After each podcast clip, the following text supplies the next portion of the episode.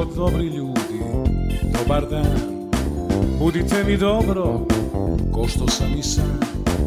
Neka gore mreže, stiže nešto sveže Subotom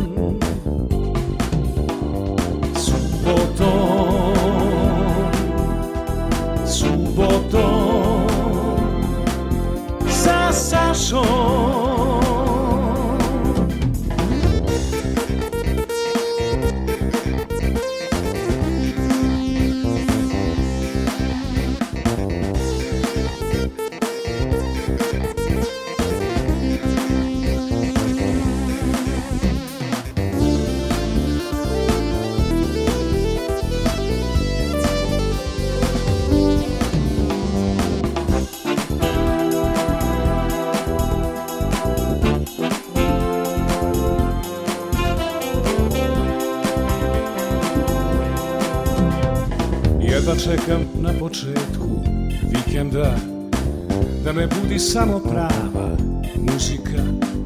Bez stresa skandala Samo dobra šala subotom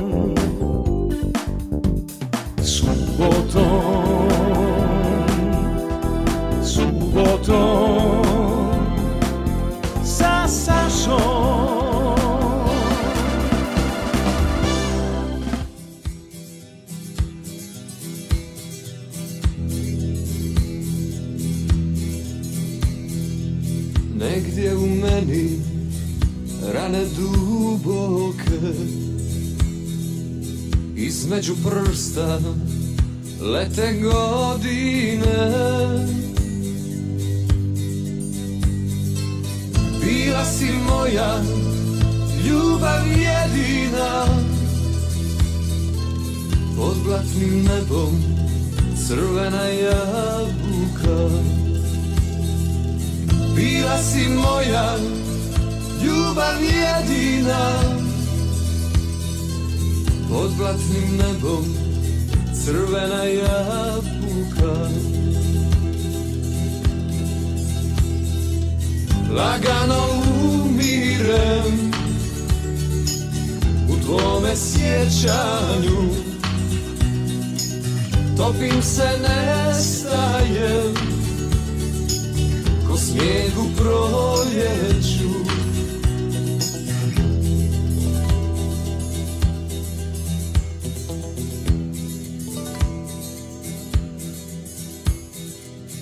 Visoko gore iznad prozora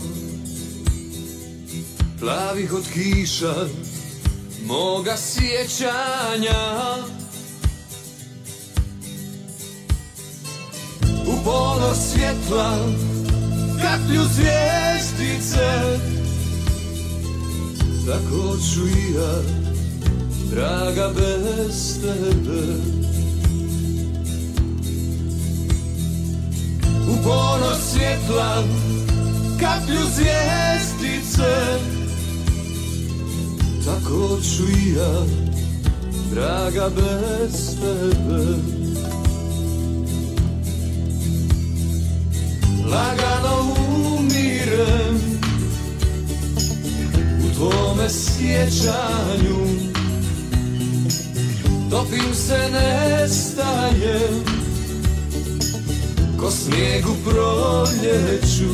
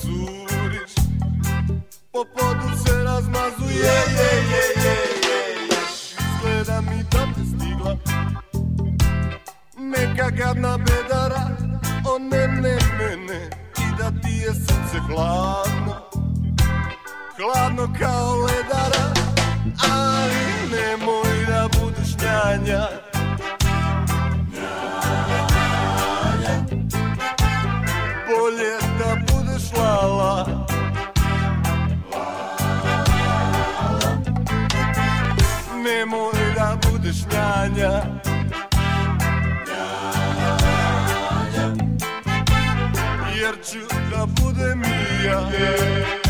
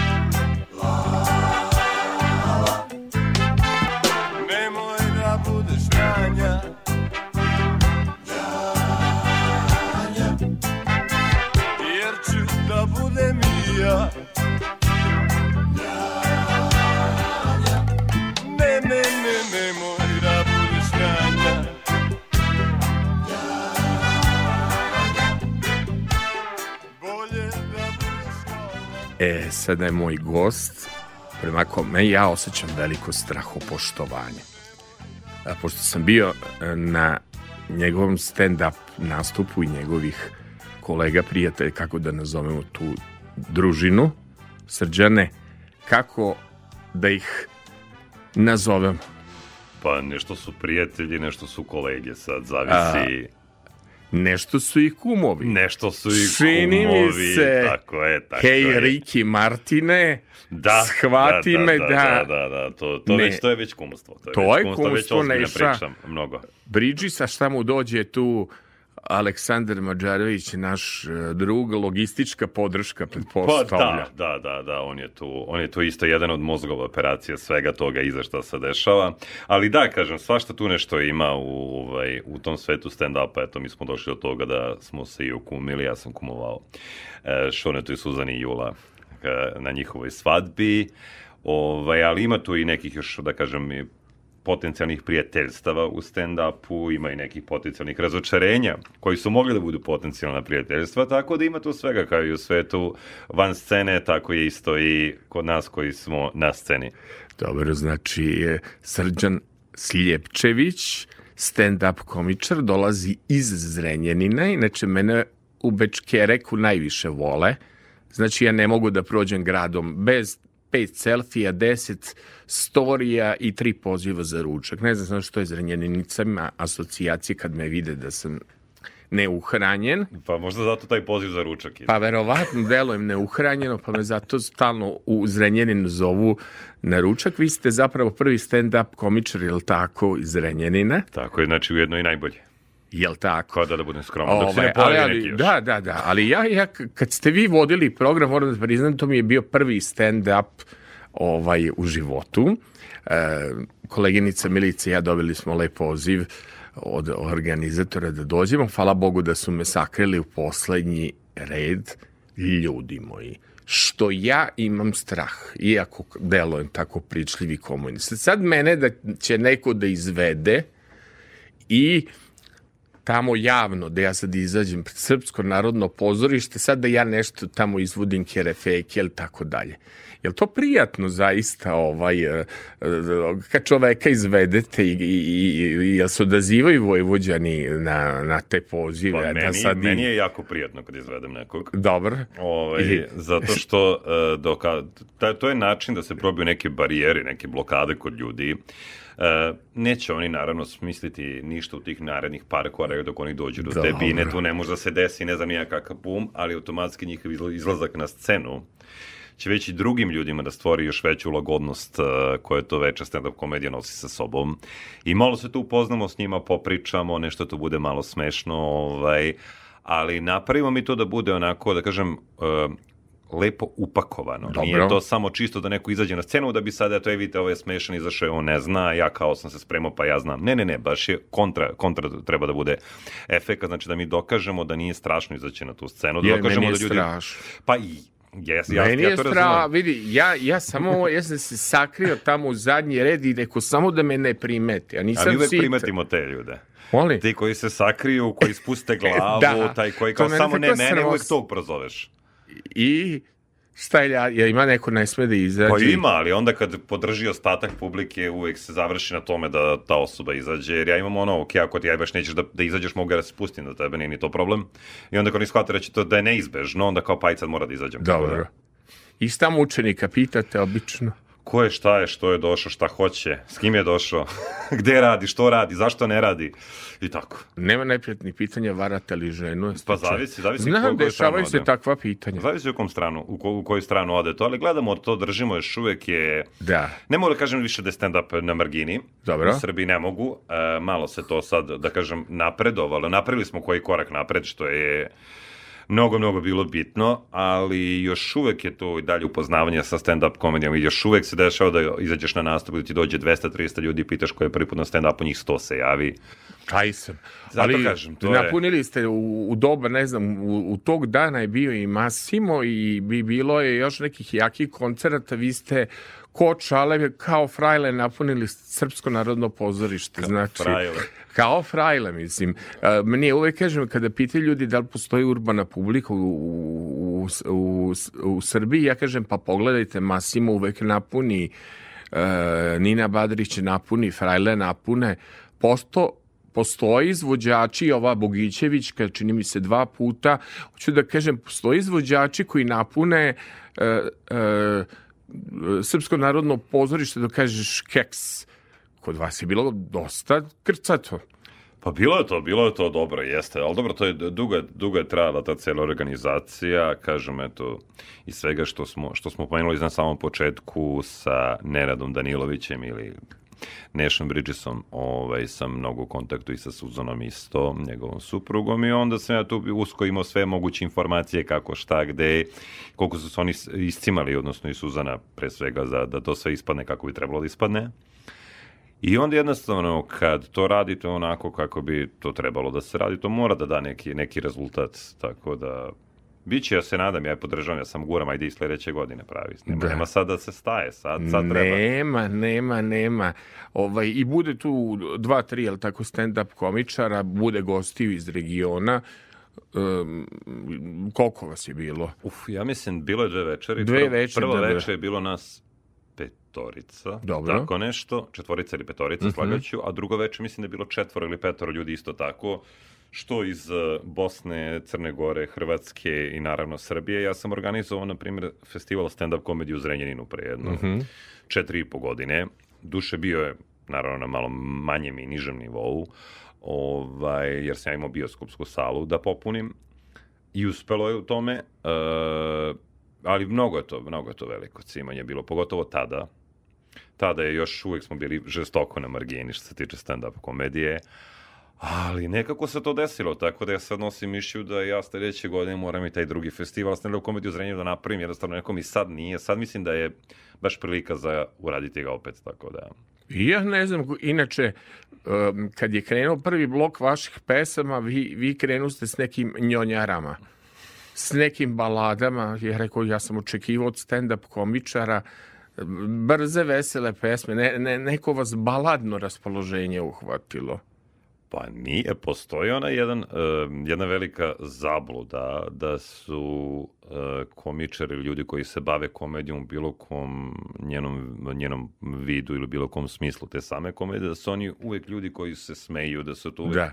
ljudi koji su srećni, da kada vas vidi neko na ulici, ja ide nasmeje meni. Prvo nismo mi klovnovi, to je jako, jako velika bitna stava kada se razume, nemamo mi onaj nos i onako sve i Da. onda kao ajde sad ili da savijamo balone ispred, ispred ljudi, da, im, da pravimo neke zanimljive oblike.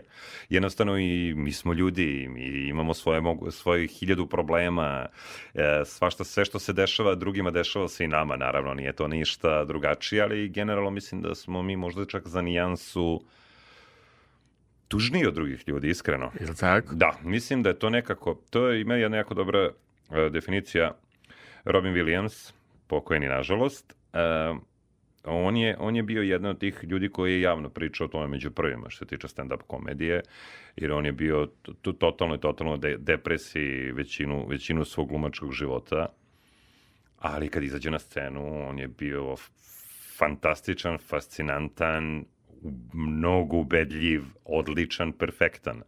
Tako da, to dok si na sceni, ti si to dok si na sceni. Kad siđeš sa scene, niko tvoje probleme ne zna i niko ne treba ni da ih vidi iz te publike. A to se kad se ti boriš sa tim svojim nekim, što ja kažem, svoje privatna ludila, kada si u svoje četiri zida, to, to već svako od nas ima neke svoje bitke koje vodi. Ali imate fenomenalan glas za radio. Već, već kad ste bili konferencije i voditelj, kažem ja koleginici, a u ovog čoveka moramo da angažujemo na radiju. Kakva boja glasa? Ajde onda da objasnite zašto koju pesma koju ja jako volim, Zdravko Čolić, negdje na dnu srca, zašto ste odvrali tu pesmu? Uh, pa, e, kad se, što se tiče domaće muzike, pod tog, tog nekog zabavnog dela, ja sam malo više ostao u toj nekoj muzici, pošto sam nas i svirao dugo bas gitaru i bubnjeve i uglavnom to se svodilo na taj neki, neki ex rock. Ovaj, a kad se pređe to neko slušanje domaće muzike, pogotovo, kažem, opet pričali smo o tome kako, kako je malo, kako smo mi na sceni, kakvi smo van scene. Mm, nekako, uh, kad se ne osjećam dobro, nikad ne slušam srećne pesme. Dobro. To, to mi je onako baš, baš mnogo, mnogo bitna stavka. Uvek slušam te, da kažem, tužnije pesme pesme koje će još više da me spuste. I valjda na taj način je, izbačim još, još više negativne energije iz sebe, onako da bih se ja posle toga osjećao bole. To se kaže, ta, e, to je bukvalno spada pod neku samodestruktivnost, ali svesnu. I ja znam da to možda tako ne bi trebalo u tom A, trenutku, ali- ali, ja idem, idem jer... Može biti i terapeutski. Ja, je dož- ja Kažu se trudim da je doživljavam terapeutski. Da. Koji su Ja- bili kod mene. Ja je tako, ja se trudim tako da doživljavam iskreno, lakše mi je da, da uz muziku tako sve svoje neke stvari e, prođem, proživim i da me ta muzika u tih nekih sat, dva, pola sata, 15 minuta, nije bitan uopšte e, period, da, da me onako spusti onako maksimalno na zemlju I posle toga, ne znam, sve postane nekako čistije, tako da iz tih nekih perioda sam i zavoleo tu pesmu. Koji me po meni izuzetan aranžman, izuzetne pratiće vokale, skroz je revolucionarna. Jeste. Ovaj, zapravo tada, posle du, dugi niz godina saradnje s Batom Kovačem, e, Zdravko krenuo sa Bregovićem e, i e, ovo je, čini mi se, najdublja pesma, bar kako sam je ja slušao, slušao sam i aranžmane i prateće vokala i efekte i Da, da, da. da. nešto I mislim me... da je, da je pesmu je pisao, mislim, onaj Enis Dobro. Halilović. Ovi Halilović, On da, je da, pisao da. tekst, a aranžman je radio Goran Bregović. A jest. Da, i onda posle toga, i to u nekom periodu, onda je uska krenula ta neka saradnja, to je isto nešto sam gledao Čolića, Bregovića i. Bajage. Da, da, Bajaga da. je mnogo, mnogo isto, pe, na mnogo pesama od Zdravka Čolića ima uticaj. Jest, da. tvoje oči, na primjer, Da, je da, čuvena i ono, ti možeš sve, ali jedno ne, to je isto Bajaga pisao za Čolić. Mhm, to nisam znao, da. E, to je Bajagina pesma. I čak je i pesma koja sad ne bi mogla da prođe po političkoj korektnosti. Afrika zemlja lavova, Afrika zemlja robova. To je Bajaga takođe pisao za Mm, Dobro, to, Čolić. to, to već zvuči kao Bajaga. Aha. To čak i onda otpeva, to, će da, to, to je to onda, nema šta Da. da. ali čo, kod Čole neko kada je on to i, i interpretira, to je to onako sasvim dobije drugačiji smisao. Ajmo onda kod Zdravka Čolića, negdje na dnu srca.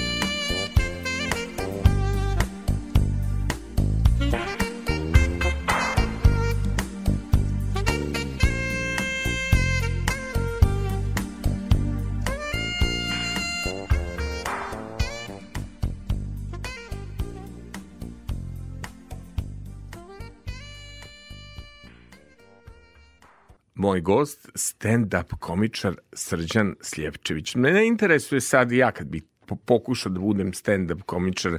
Moj jedan veliki problem se sastoji u tome da ja ne mogu da upamtim tekst. I držite li vi taj tekst u glavi, u nekom folderu, nemate šaptača kao što imaju glumci u pozorištu, kako se održava pažnja e, 15 minuta u nekoliko blokova, je li tako? Je li to 15 minuta? Sam ja to dobro procenio. Pa, vi ste inače i voditelj. Zavisi, zavisi kako. Ja, na primjer, kad se nastupa po nekim klubovima, Dobro. tad radim dva puta po 45 minuta.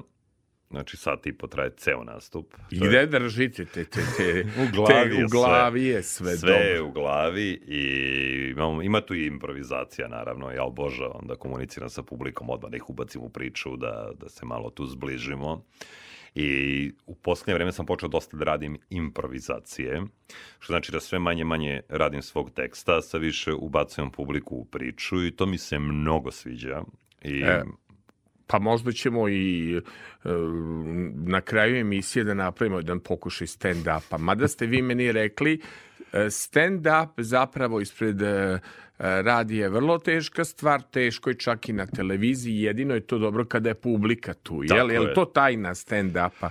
Bez publike... Energija, te- energija mora da se energija. deli. Energija mora da se deli I da se ljudi. oseti, jel tako? je, tako? tako je. Jer vi na, na, na suvo je, što ja kažem, na suvo je kad gledaš preko TV, kad slušaš preko radio, to je sve na suvo, tu nema... E, možeš ti da negde nešto kao malo osetiš da ti bude kao ha-ha, ali ako ti to uživo doživiš i kad to krene da se širi ta pozitivna energija onako od osobe do osobe u tom jednom prostoru koji god daje i koje god je veličine, to je, to je stvarno nešto sjajno. Koliko je se mora biti bezobrazan, lascivan da bi se bio duhovit ili ne mora?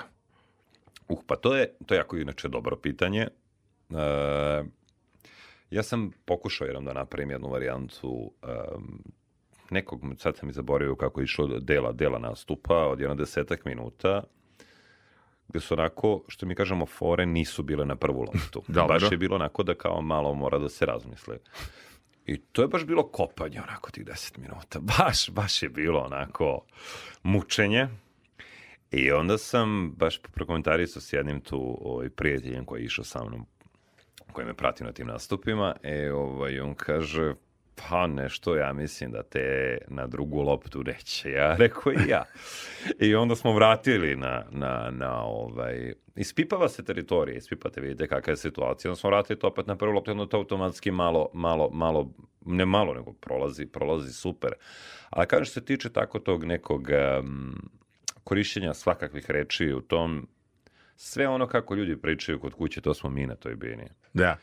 Niko ne dolazi kući da kad, kad, niko nije kod kuće da stoji ispred svoje porodice i da brani magistarski rad. Jel tako? Oni sede, pričaju, jedu, svađaju se, vesele se, nije bitno koji je si ostali. Onda, Psuju. da, psovke su sastavni deo našeg života. Ok, mi ih nećemo sada, ali ja kažem ovaj, e, sve ono što može da se čuje na stand-upu, to je 99,9 svega onoga što ljudi kod u imaju u svojim domovima. I u svojim kućama. Tako je. Nego recite vi, pošto ste vi voditelj tih stand-up programa, šta ste vi, bas ili bariton? A, pa uvijek su me kao bar, bariton vukli, ali imao sam par poziva za neke crkvene horove da pevam, Dobro. tamo je falilo basova, pa sam ja to čak i otišao jednom, iskreno ne znam zašto, više me interesovalo da vidim kako je, rekao ajde eto i mene kao možda u tom nekom crkvenom horu, horu, ali sam ja tu nešto brzo odustao od toga i bazirao sam se ja na to neko, da kažem, voditeljstvo i radio sam kao radio voditelj i, I onda- negde učili dikciju? E, Glumačka škola neka? E, Ovaj, Pa manje više dosta toga sam odradio sam, Dobro. mnogo, ali sam mnogo radio na tome. Kako su odradili sami, sigurno ste neko vreme e, u koje nije bio baš internet dostupan, mislim, ili ja precenjujem vaše godine, možda ste baš vršnjak e, mojih emisija. Koliko imate godina, koje ste godište? E, 87, sad ću 36. Pa dobro. Pa tu, tu Nije ste baš da nije malo, nije baš malo. Ali nije ni, ni mnogo. Tu, Tu sam, o, tu sam tako, tako. Pa dobro. Dobro, s obzirom koliko sam ja radio formata 25 godina, što kaže junak vašeg detinstva, nego dobro, recite vi meni ovaj, i e, kako, kako ste, nije to onda bilo vreme ipak interneta, vreme Nije, da možeš naravno. preko YouTube-a da vežbaš, kako ste vežbali tu dikciju, kao da vas je Draga Jonaš ili neko ovaj, iz Radio Beograda učio govoru, Pa- pogotovo zrenjaninci kako pričaju, Da, ja, oni, ja sam taj, ja sam pobegao od tog zrenjaninskog naglaska malo. oni baš ovaj, imaju... zr- Pa dobro, i, i u Novom Sadu je to isto. Tu baš, baš na toj, na toj relaciji Zrenjanin, da? Novi Sad je A dosta Subotica posvetno. tek, Dobro, a da. Kula, Vrbas, Ima, ima, ima taj deo, ali ja sam ovaj, e, dosta sam provodio vremena i u Beogradu. Ja sam inače rođen u Beogradu. dobro. Ovaj, pa sam neki period i živeo tamo i onda sam verovatno ja pokupio malo i Beograd i Zrenjanin i Novi Sad i sve ostalo, pošto sam uvijek dosta putovao. Dobro.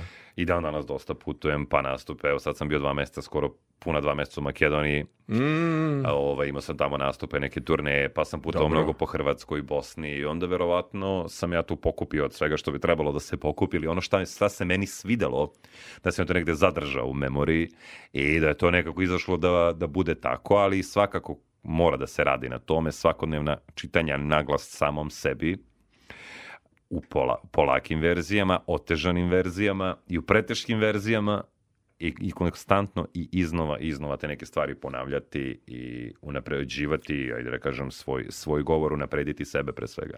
e, koliko ste radili na radiju i e, kakav format ste radili?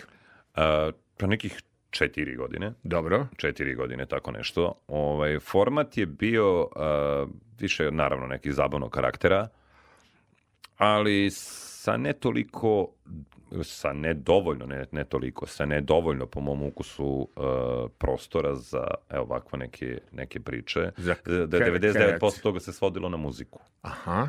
I mi, se, mi tu nešto, između smo imali, ne znam, dva, dva uključenja, tri uključenja u satu od po tri minuta. Dobro. Nekad su tri minuta na radiju i više nego dovoljno, to je ipak radio. Ali ako hoćete, ako uvijek imate nešto da kažete, negde uvijek imam nešto šta bih rekao i dodao, e, ta tri minuta su premalo. I onda nikako nisam uspeo da dođem do toga da, da baš dobijem ja svoju emisiju koju sam od uvek hteo da radim, svoj format, pa da mogu da uradim neko uključenje sa ljudima, pa da se ispričam sa tim ljudima, pa da to sve bude propraćeno nekom pozadinskom muzikom. Nikad nije bilo prostora za tako nešto i onda sam jednostavno saživeo u tom njihovom formatu koji, koji se tada plasirao. Mislim da se i dan danas plasira taj isti format na, na toj stanici. Ovaj, I jednostavno došao je trenutak uh, gde ja sebe nisam vidio u tome uopšte iz više razloga nije ni bitno, ali jedno sjajno iskustvo. Uh, radio mislim da je, da je jedan sjajan medij i mislim ja obo- obožavam, obožavam kad god radio ja u, u kolima dok vozim redko, redko kad eh, da ću da pustim neki CD.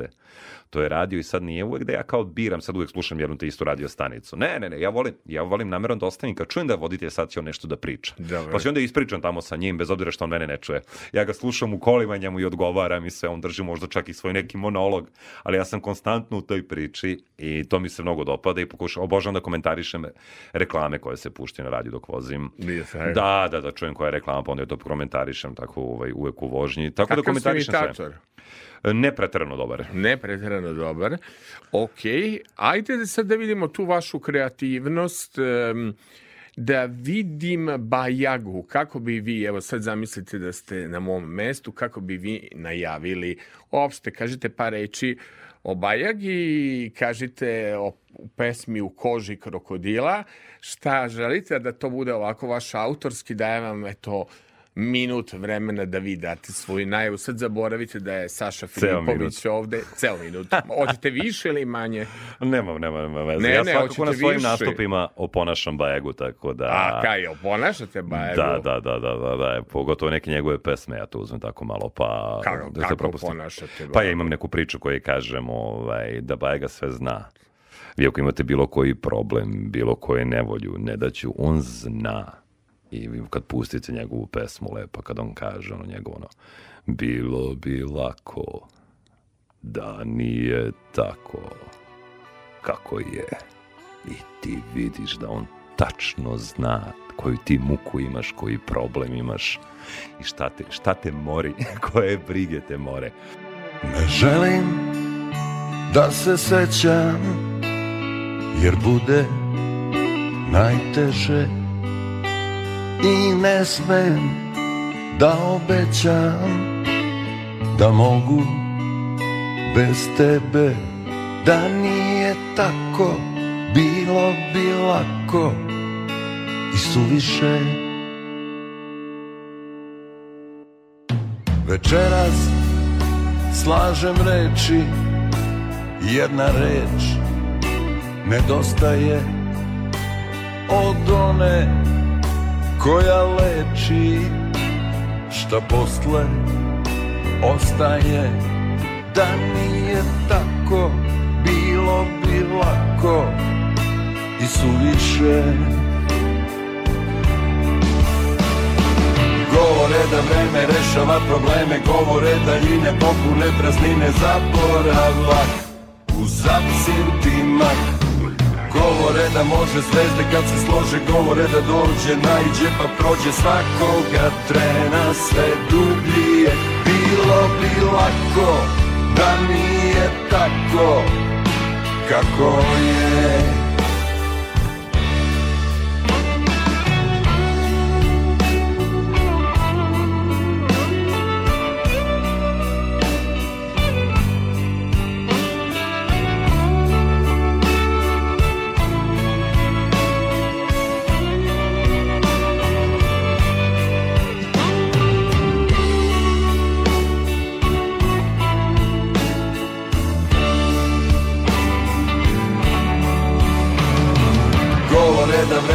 rešava probleme Govore daljine popune praznine Zaboravak uz absintimak Govore da može zvezde kad se slože Govore da dođe, najđe pa prođe Svakoga trena. Sve dublije Bilo bi lako da nije tako Kako je.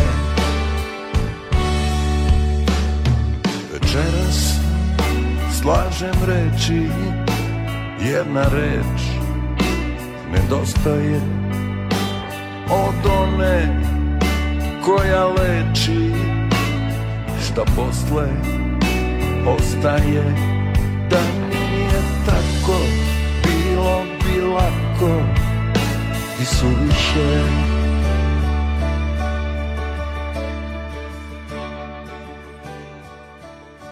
Tako da ja smatram da Bajega o svemu zna, sve zna E, I obožavam pogotovo ovaj, o tom odrastanju, kad smo slušali te neke njegove, da kažem, malo veselije pesme i pesmice, pa smo komentarisali uvek njegove tekstove koji su uvek malo drugačiji od ostalih i uvek se isticao po tome po tom nekom veselom ritmu i čudnim tekstovima. E, iz toga je i naišla jednom na red da se čuje i pesma U koži krokodila koju sam ja isto, isto, isto mnogo zavoleo ali samo značenje naravno pesme mi je isto tako drago, pa eto, možemo poslušati. Zašto je ona u koži krokodila, da ja pokušam da govorim kao vi, kao Bajag. Zašto je ona u koži krokodila? To ćemo posle pesme, neka poslušajemo, ali ljudi. Bajaga, u koži krokodila gledam te sa očima civila. Pred sam rat objavljena pesma, bila je pevana ta o godišnjim dobima, svaka pesma je bila neko godišnje doba, ali uvek mi ta rečenica sprema se rat, a on me gleda s očima civila, pa ja ga u vreme krokodila. Ti si žena iz zemlje u kojoj caruje strast Gde ljude opija vino, ljubavne pesme i vlast Kada prolaziš gradom, ulice gledaš u lice Ti si žena iz zemlje koju napuštaju ptice. A svoje srce kriješ u koži krokodila I gledaš me u lice. Sa očima civila Ti si žena iz snova što zemlju gazi bez stida. A ja sam severni vetar koji te pogledom skida. Ti svoje srce kriješ koži krokodila I gledaš me u lice sa očima civila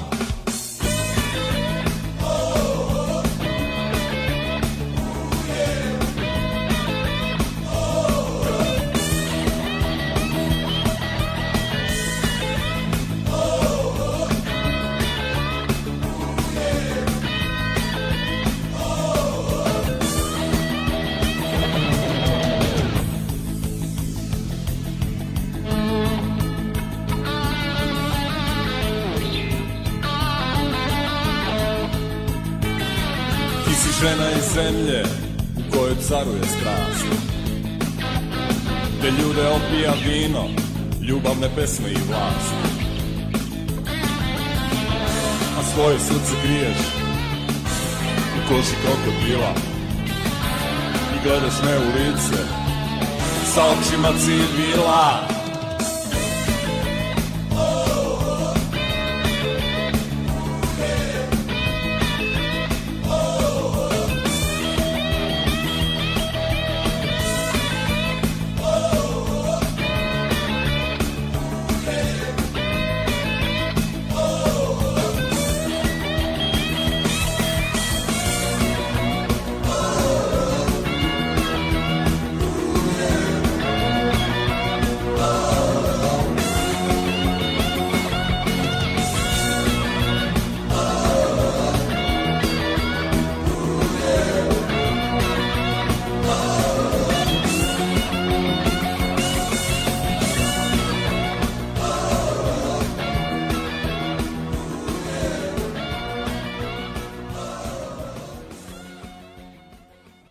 Srđan Slijevčević, stand-up komičar, kažem, e, kad sam slušao kako vodi program, ja sam pomislio, bože, da ja imam takvu dikciju, da imam takav glas, pa ja bi sad vodio dnevnik, ja bi sad bio u svim informativnim emisijama glavnim. Tukli bi se za mene ko za Slavka Beleslina ili Miću Orlovića, što se tiče, tak, a kažem, kad nemam, kad vrištim, kad... kad To, to kad se kaže, vodio bi sve humoristične emisije, pa i dnevnik. Pa Jeste, da, tako. E, sada da pi, muzičar, bubnjar, što niste pevač bili? Mm, Odgod bubnjar. Pa ja sam više ritam sekcija. Jel tako, Bubnjevi, bas, ritam gitara, sekcija, ritam, da. ritam sekcija, to me nekako uvijek malo više... Šta je ovaj, bilo na repertoaru? I back vokal. I back vokal. Da, ovaj, na repertoaru kad smo, uh, kad smo počeli, tek to je bilo ono, bukvalno, svirali smo pesme koje mi slušamo, i smo shvatili da to niko ne sluša. Dobro. Jer to je bila neka strana muzika i Da. kao, ipak treba neko da zna to. Šta Dobro. sviramo, a ne što smo mi čuli od nekog benda jednu pesmu, pa je mi sad Dobro. I onda je naravno krenulo ono što se kaže sviranje cover, uh, cover muzike, odnosno obrada tuđih uh, pesama. I to je išlo ne, neki određeni vremenski period. Mi smo tada bili u Zrenjaninu, kad sam imao 16-17 godina, mi smo tad bili, mislim, jedini bend koji je radio te cover varijante i onda kroz naredni godin dve se pojavilo još dosta bendova, tako smo mi bili dosta zauzeti svirkama u tom periodu. Mislim, šta je to, ja sam bio srednja škola, kao ti završiš sa časovim, odmiriš kao imaš svirku, to dođe cela škola, to pa baš, baš, onda si baš bio bitan kao neki faktor tamo i to je mnogo prijalo, dok, naravno, to valjda sve verovatno ide iz godinama sve to mora da se prođe i preraste i e, taj neki period, ali onda tada je tek počelo da bude aktuelno digni ruku, Jel? tek tada, ali evo koliko je to, je, to je dva, 20 godina, skoro malo manje. Jest. Znači, ja sam, ja, i onda ja kad odem sad u neki klub, tako na neki cover band i oni krenu digni ruku, ja razmišljam, to je pred 18, Digni oba 19, dve, pre jel? 18, 19 godina smo mi bili to digni ruku, a oni su ljudi snimili još 18, 19 pre nas, a o majko, rekao, hoćemo li više dići ruke od toga, ali ovaj, dobro, nekako je to išlo, onda dosta se radilo, dosta se radili coveri riblje čorbe, Dobro. to je, to je Ribio čorba, ali one starije naravno, sa starijih albuma. Uh, Van Gogh čak isto se radilo dosta kaveri, bijelo dugme i ne preterano. To je jer oni imaju taj neki specifičan vokal i onda uvijek ljudi pokušavaju to da oponašaju i onda oni kome to ne ide, to baš bude smešno. A taj efekt ne želite da postignete na svirci. Ovaj, tako da svašta nešto je tu bilo. Mislim, čak i Bulldozer neki band, tu su bile obrade, pa je bilo to nešto malo i stranog, tu se čak svirao i ACDC, ma svašta nešto. je. Tu je, to je bilo baš šarenoliko, ali je bilo veoma zabavno, jer je to neko neki prvi susret sa tom nekom muzikom na taj način. Ono što se tiče slušanja, ja sam krenuo naravno od strane muzike prvenstveno.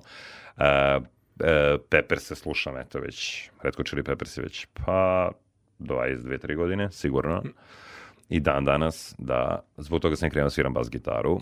I ovaj, onda sam zavolio ritam sekciju, zbog toga sam prešao na bubnjeve. Ovaj, tu sam onda ostao između, na balansu između bas gitare i bubnjeva, ovaj, zbog te ritam sekcije. Jer oni vode celu priču i to je to, nema tu šta. To, ja nikad nisam bio ono, znate kad, ono, kad se ode na more, pa kao vi uzmu akustičnu gitaru, Nisam pa kao... krivo je more. Ja neću... Su uvek, su uvek mene, s tim meni, meni kad kaže, meni kad, kad, ja kažem to šest žica, nemoj mi je onda, nemoj mi. Ako je četiri žice može, to na šest, mnogo meni to, ne, ne treba, ne treba. Nije. Ja, meni, ja sam s četiri žice radio ono što je meni dovoljno i ovaj, s tim bubnjevima je isto i nikad me nije bilo, nikad nisam imao želju da se trudim da nekog impresioniram bilo čemu toga, to je bila jako bitna stavka, to sam tek posle malo shvatio ovaj, da se su tu uglavnom isticali oni koji su želi da se impresioniraju, da, da, da impresioniraju nekog. Uh, I nekako mi je drago što nikad nisam bio taj lik. Ja sam uvijek nekako bio za, za tim. Umem ja da povučem malo na svoju stranu, kao i mi svi, naravno, nema tu, ali ako je dobro za tim.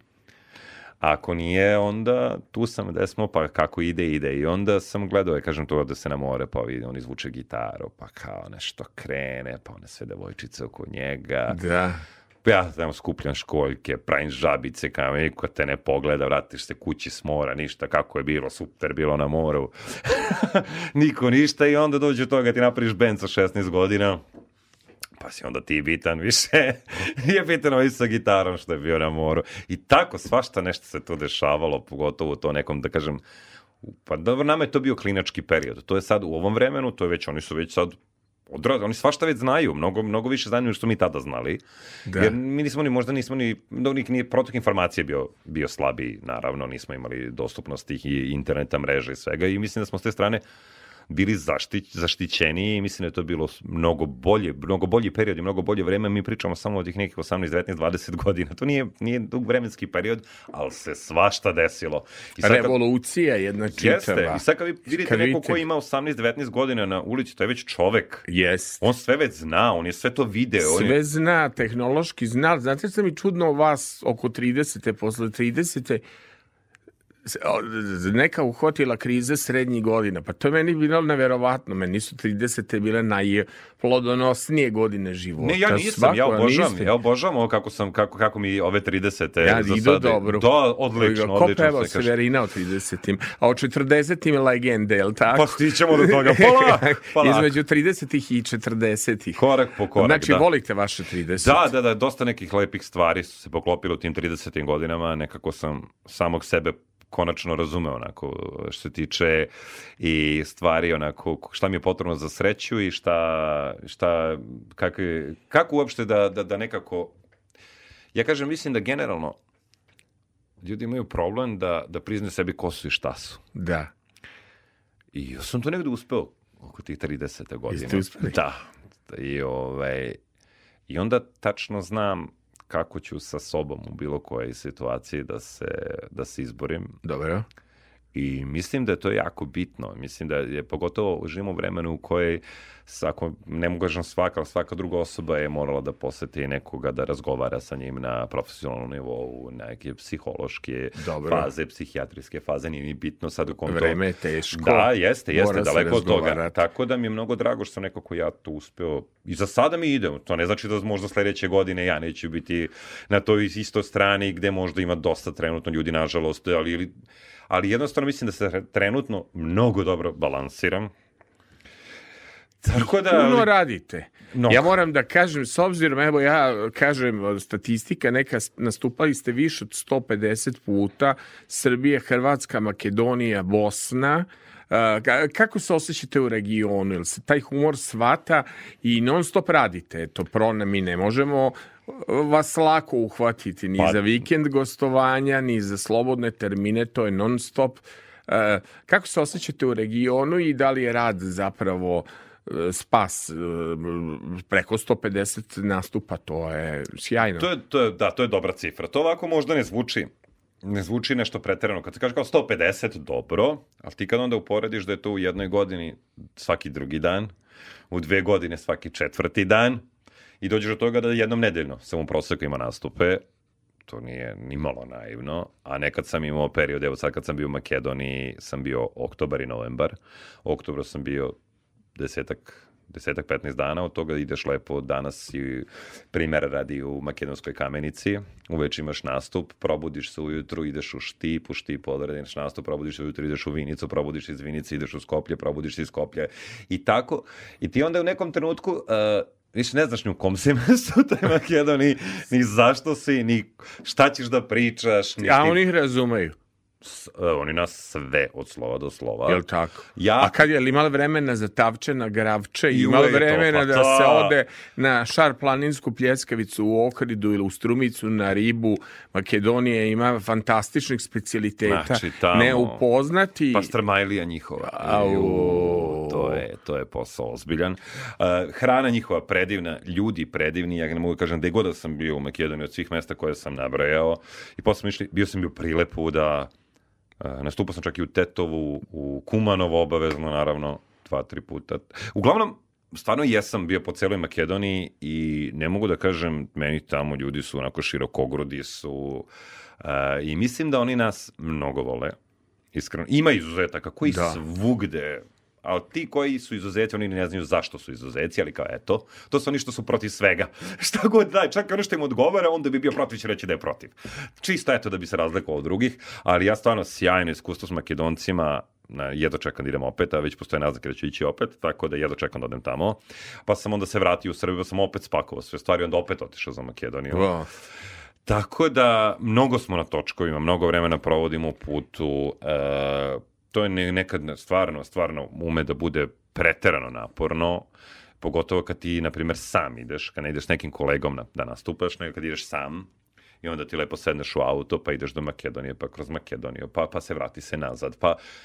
I to, to je stvarno baš mnogo teško je, teško je, psihički je teško. Ovako misliš da ti sediš i voziš stvarno sve autoput, nije, stvarno kažem, nije problem ti da Ali meni, pa onda stanem na svaku drugu pumpu, pa neku kafu, pa tako, gledam, aj, dokle sam stigao, majko, pa onda gledam do koliko do granice, to mi je prvo, pa, a pod granice do Kumanova, dobro, sad će mi to brzo, sve kroz nešto, pa onda puštam tako neki radio, pa računam, sa, aha, pa otpevao sam 10 pesama, to je u prosjeku 40 minuta, imam još, svašta tu neke kombinacije se prave da, da bi Pa se vi to stiglo. živite bo- kao estradni umetnik, što bi rekli, kao Pa- i e, pe- pevači koji koji idu na turneje ili idu po klubovima da nastupaju. Pa isto Tako je to, nema, izgleda, nema to velike razlike, pa imao sam ja turneje koje sam radio po Hrvatskoj, Da, E, inače sam prvi naš komičar koji je stupao u Vukovaru.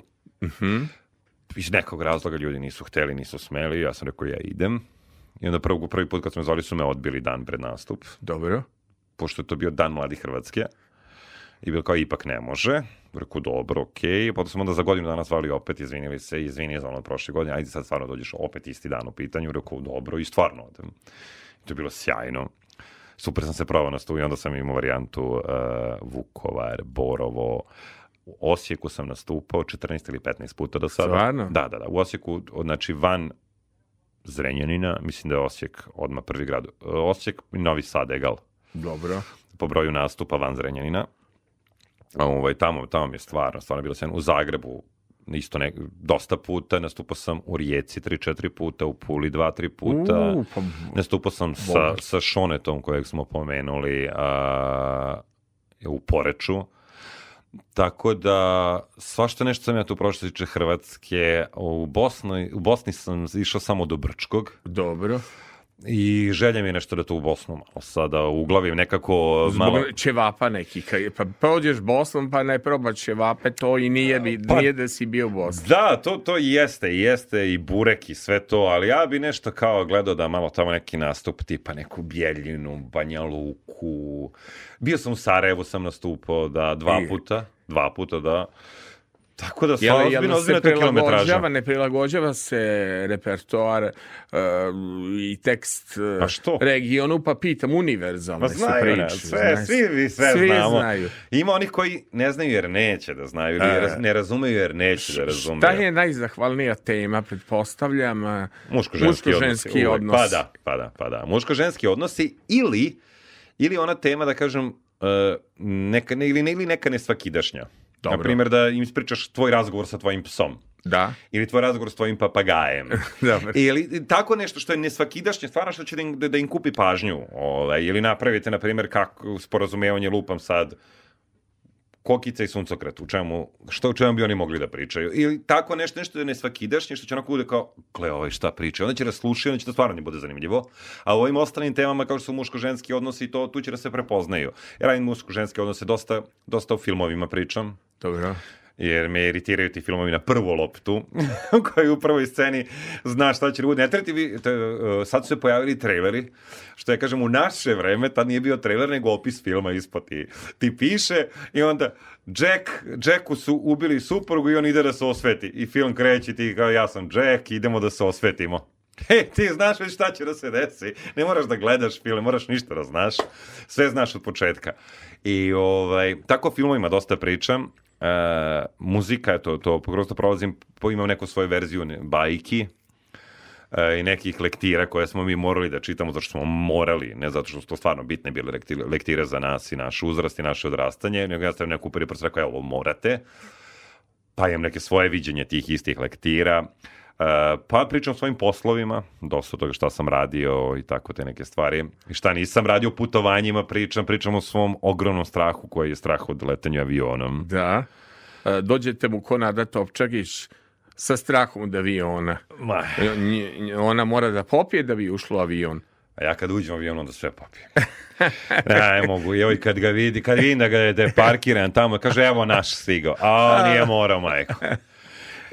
Uf, to mi je baš, to mi je baš, baš mi teško pada taj, taj A koji su sve bili poslovi? Jer da ste imali cvećaru kratko vreme, godinu dana. Jesam. I završili ste za veterinarsku tehničara, Jesam. tako da nije ni čudno. I u ta veterini priča. sam radio dve i po godine. Stvarno? Da. I kako se nađoste na kraju u stand-upu? Ovaj, Pa ja sam zavoleo scenu kroz tu muziku. da. E, ja sam tu neko sebe najviše pronašao u toj sceni. Mi smo još u srednjoj školi, krenuli smo za neke kao školske priredbe i to uvek je bilo kao, ajde vi ćete, vi imate band, vi ovo, vi ono. Pa onda, jeli, već zbog pomenutog glasa, ajde ti da vodiš to, taj, to, to veče škole, šta je, pa ja tamo onda mi daju neke babire, onda ja tako stanem, no oni me stave Evo, čitaj sad, ti staneš i kao čitaš tamo.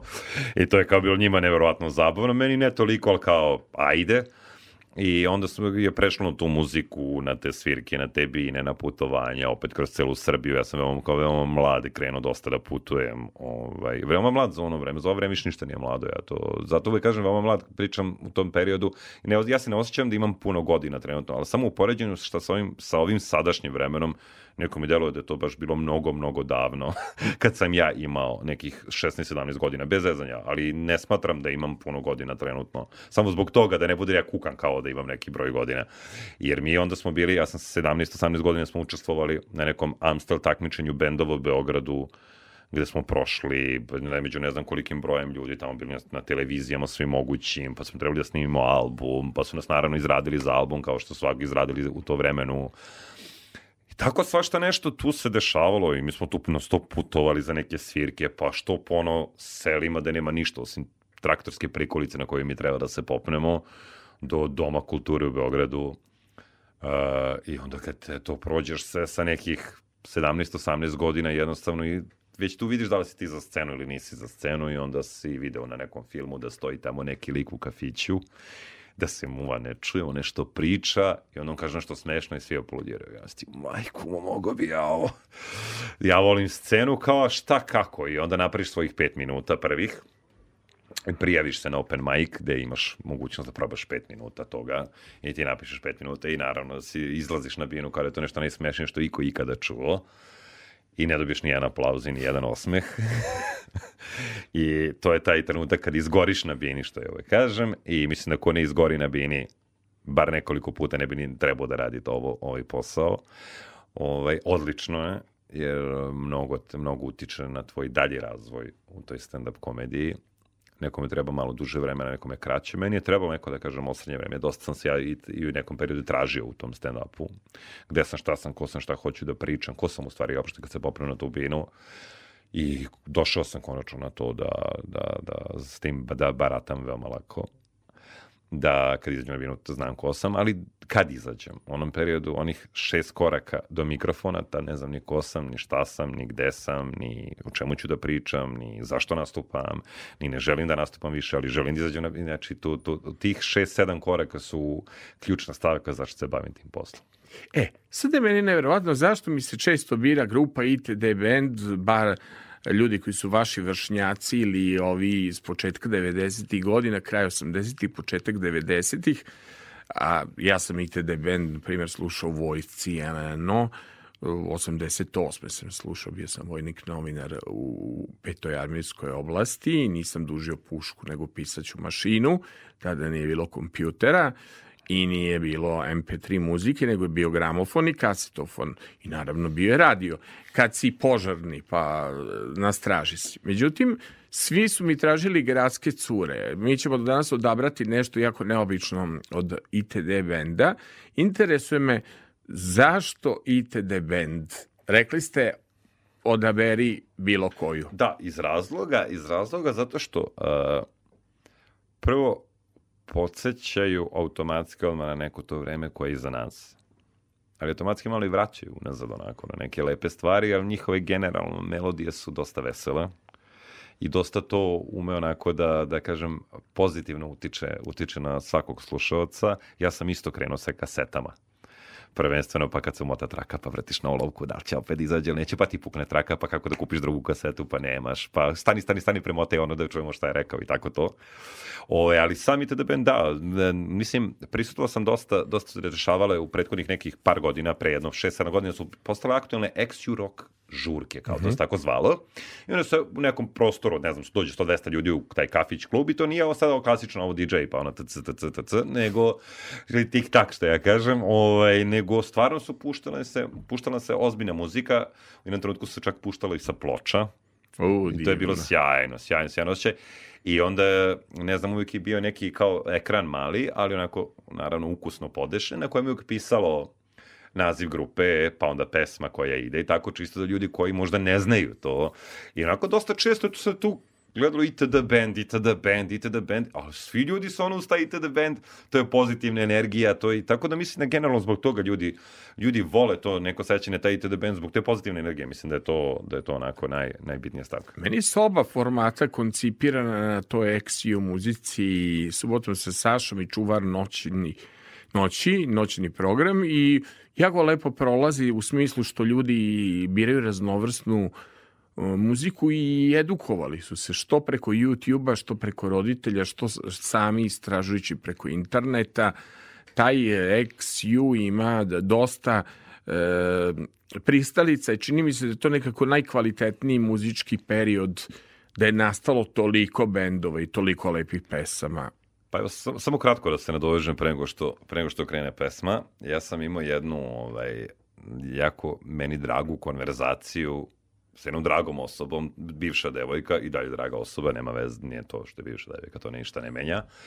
A, pričali smo o mu muzici, jer sam ja pričam, kako sam slušao, rekao sam, prvi band stvarno su bili Peppersi, ali ovaj, ja sam odrastao mnogo na Dorsima, Janis Joplin, od domaćih bendova, tu je bilo ono atomsko sklonište, ali ono, atomsko sklonište, Serđe Blažić i ovaj, ta, ta, ta njihova pojava, naravno, ok, ok, neizbežni je KV, I baš onako, baš stari rok. I kad smo krenuli nešto da se oko muzike, ona je počela pušta u sada što ide muzika, što je to, što je meni nešto ke razumem idu ljudi u korak s vremenom i to tako treba i ne, ne treba da stojimo i ne treba da idemo korak unazad, treba da idemo korak napred i tako treba. Znači, ako čak i ne možemo korak napred da zastanemo na sekund, pa ćemo onda, ali ne treba da se vraćamo, to ok, stoji. Ali negde kvalitet se gubi, jer ide se na kvantitet. Ovaj, I onda smo došli do toga da smo se oboje nekako složili. Ne, ne mogu da sad ne znam ko je izjavio od nas dvoje, ali eto ne budu da smo oboje izjavili. E, da ona sluša modernu muziku, ja slušam kvalitetnu muziku. E, što ne znači da u, u modernoj muzici ne postoji kvalitet. Ali mislim da u ovoj e, muzici koja nije moderna trenutno i koja nije u piku, da je mnogo kvalitetnija. Dobro. Inače, čovek koji je autor glavni grupe ITD Bendi je Miroslav Drljača. On nije mogu u nekim vremenima baš da se preziva Drljača, nego je morao da kređe um, na umetničko ime Miroslav Rus i uh, Miroslav Rus je posle napisao za Tošeta igru bez granica, napisao je sve one lepe, uspešne pesme koje Toše Proeski ovaj, pevao. Znači, je, sad mi je to sinula ta igra bez granica. Ima još jedan ovako hit u toj nekoj modernoj produkciji koji je, je, koje je upravo pevao pesme Miroslava Rus. Veliki e, čovek, a inače osnivač um, ITD benda. E sada, uh, ajde da vi vidite kako se nekad pevalo o Beogradu. Znači, ITD band, ovo zaista prvi put slušamo kod mene, kaže Osvajam Beograd 1988. godina. ITD band.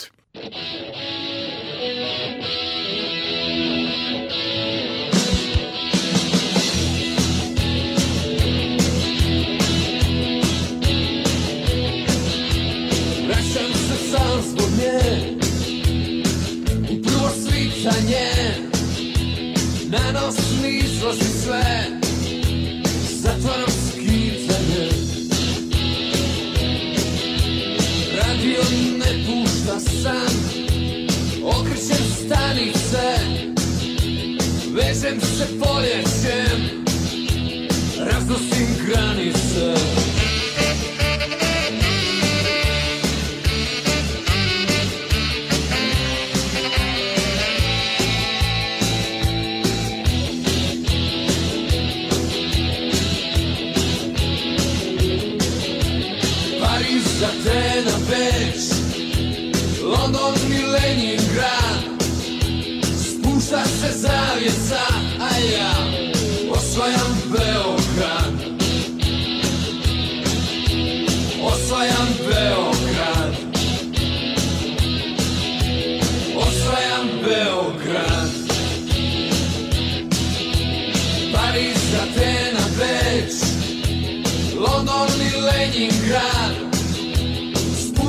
Spušta se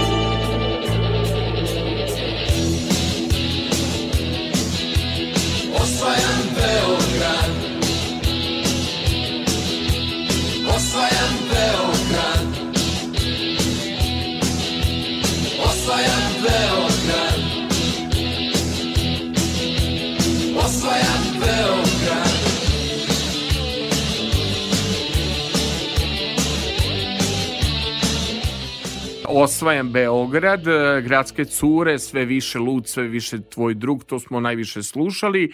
Naravno nismo slušali Imao, imaju oni rođen u Zagrebu, to je obrada, mislim, Brusa Springstina, Born to USA i, i, i imaju, stalno misliš na seks i imaju jednu stand-upersku uh, Tequila Šila.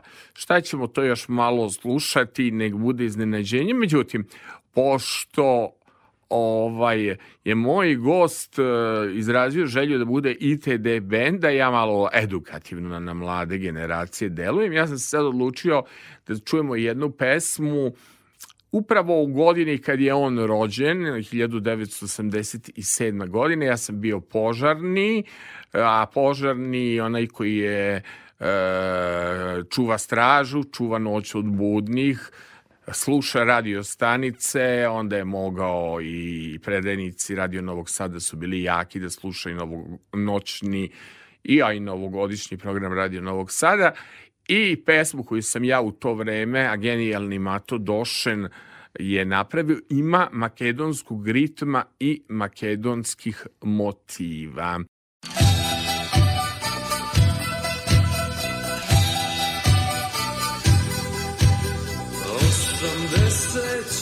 sta gazdi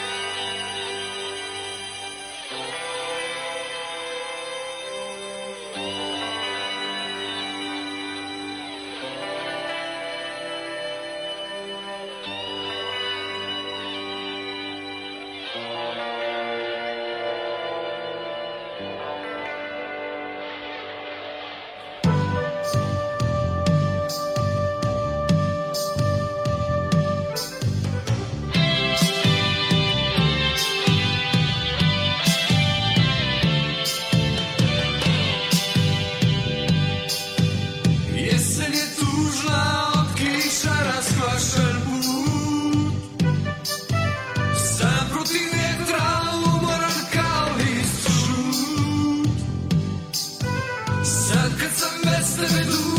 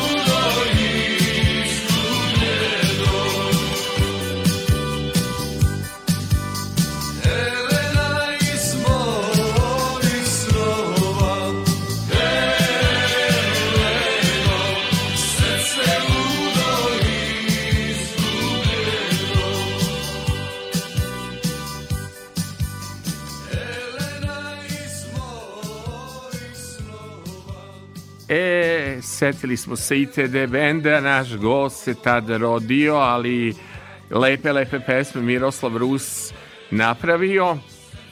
E se desi nekada zabaguje mozak, kao meni što je, setio sam se igre bez granica, Aha, a, a aha. nisam se setio jedne pesme Desi se, još. desi se, desi se, ali se onda, onda se čupamo s nečim drugim. Evo, mi smo se iščupali sa... Mi smo se iščupali sa... Kad su teme muško-ženski odnosi, Da. šta je najčešća tema? U, pa... Ok, standardne one, što ja kažem, uh, sitne sitne čarke i prepirke. Dobro. To je, mislim, to nema ko nije prošao kroz to. A onda ljudi koji imaju decu, pa problemi oko, oko toga. Uh, onda kada zajedno uzmu kućnog ljubimca, pa, na primjer, iz, mog, iz moje perspektive, na primjer, volim da pričam o tome kao starateljstvo nad, nad psom. Da. Ko dobija. I tako, e, svašta nešto. Onda em, ima, imam, imamo neke tematike koje se tiču i ne, naravno, samo lepih stvari u vezi, jer nisu uvek samo lepe stvari, jeli? Pa samog onda pa, kupite zajedno auto, kupite zajedno kuću, kupite zajedno ovo, kupite zajedno ono i onda kad dođe trenutak da svako treba na svoju stranu, Dobro. onda ko je tu stvari kupio? I onda tako te neke raspodele, ali uglavnom neke inter, interne, neke što dobro nama svima poznate, čarke, sitni problemi. Da li je ono istinita teorija da su muškarci e, sa Marsa, žene sa Venere? Jel se razlikujemo Pa, karakterno? Ne znam baš da li se mi toliko puno razlikujemo. Dobro. Ne bi ja rekao da je toliko velika neka razlika. Jel se priča o prevarama? Da, naravno, kako. Kakve su prevare, Uh, pa svakakve. na primjer? Uh, pa nijedna nije bezazlena, to je Dobro. prvo. E, svaka je namerna. Dobro, Nijednu ne možeš da opravdaš. dobro. Ne, ej, pa to je to, malo li. E, društvene mreže jesu postale sredstvo udvaranja? Pa ja mislim da, da ovaj Facebook najviše, naj, prvo Facebook, pa onda vjerojatno Instagram odmah, odmah u korak s njim da su najviše brakova razveli. Jel? Ja mislim da, da, ako neko treba da se hoće da se razvede, javi se ovom Zuckerbergu i on to odmah reši. Jel tako? Da, ja mislim da je, da je Facebook i Instagram su najviše brakova i svega ovaj, razveli. Zašto muškarci dobijaju hrabrost Ne na, na dobijaju samo Instagram? muškarci. E, Da li to naš najharizmatičniji voditelj stand-upa gde je jedno pet žena u publici reklo što je on zgodan, a da li si dobijao nepristojne ponude Svi od... su, pa mislim da su svi dobijali. Stvarno? Da. Da. Ovaj, s obzirom da jako na sceni si harizmatičan, zračiš i sijavaš jednom energijom, vrcav si, e, komitar Mirici u pesmi ne može mi niko ništa, jači sam od sudbine. Ovaj, totalno vidi, viđam sad jednog drugog srđana nego onog na sceni i tako dalje. Mm, Pomislim, bože, koliki je ovaj dobio ljubavnih ponuda zahvaljujući glasu i šarmu kojim zrači na sceni. Pa nije, ja kažem, to je uh, isto je, isto je. I te uh, osobe ženskog pola koje se bave nekim javnim poslom, kad izađu na binu i kad dođe neke 100, 100 muškaraca, u, u neke publika 200 ljudi, nekad Dobro. toga 100 muškaraca. Od tih 100 muškaraca njih A okej, naravno su žene simpatičnije i privlačnije od nas, glupo bi bilo da nije tako. E, i treba da bude tako i nadam da će tako biti još dugo. Ovaj, I naravno da će minimum pol od tih muškaraca da prvo naravno vide da li im je ona privlačna i sve ostalo. Neki od tih će čak možda da se usude ako to nije stvarno neka baš, baš, baš poznata ličnost jako, pa ne možeš ni da dopreš do te osobe ni Dobro. porukom, da će naravno probati da kontaktiraju tu osobu. E Pa isto je tako i kad mi izađemo. Ti čim si na bini, ti si dostupniji ljudima, odnosno ljudi misle da si im dostupniji.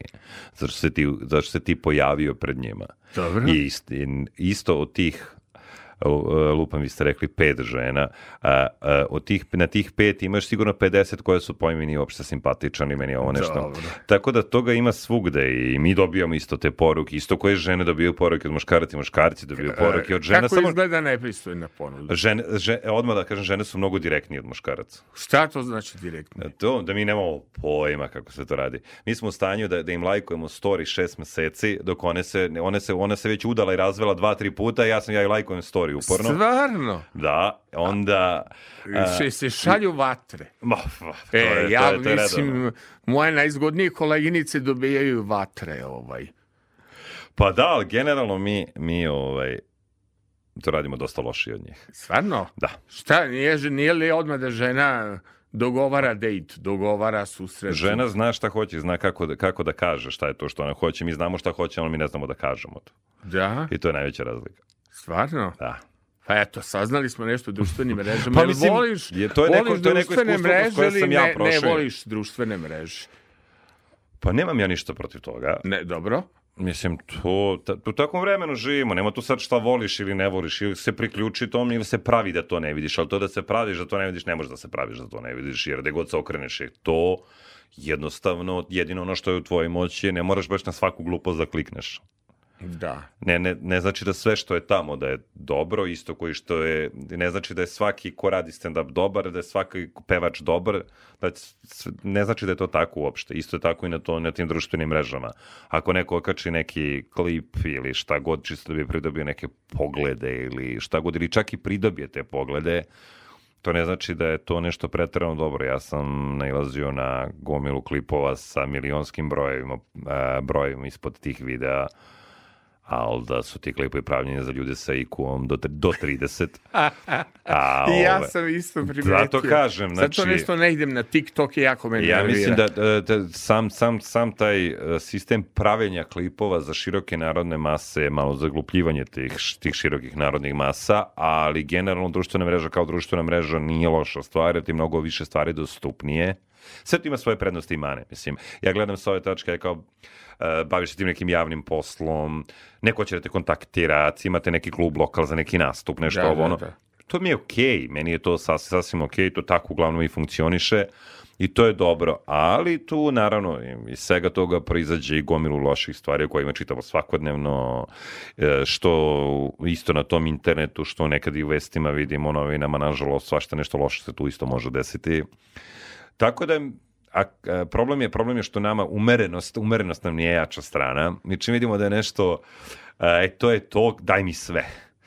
E, to je, mislim da generalno problem. Mi smo takvi kad se tiče, i- zna- znaš, ono kada odeš, sad ja malo znaš, znate, ali dobro, e, kad se ode ono neki restoran ili tako nešto, sad neko treba nešto da časti. To, daj sve mi daj, znaš, sve mi daj.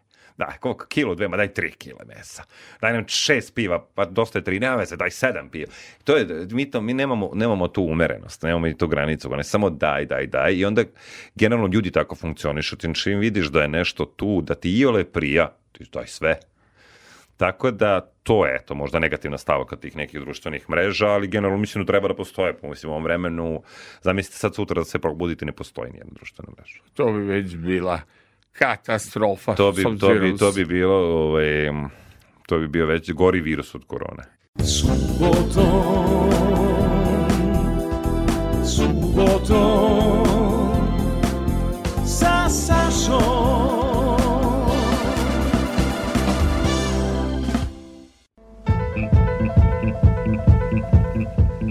Peri, krpi, plevi, kopaj, smiri stoku, bazdarin taj, dokle bre?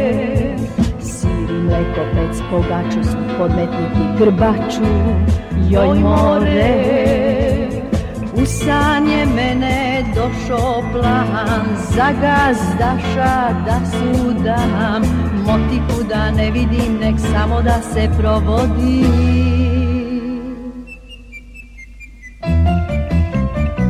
Pare, pare, pare, to je more, gazda živi bre. Pare, pare, pare, drž za pare, para vrti se. Aha, kad se ja oparim, Bre, bre, pašćeš u nesves, kad udarim bes. Kad udarim bes. med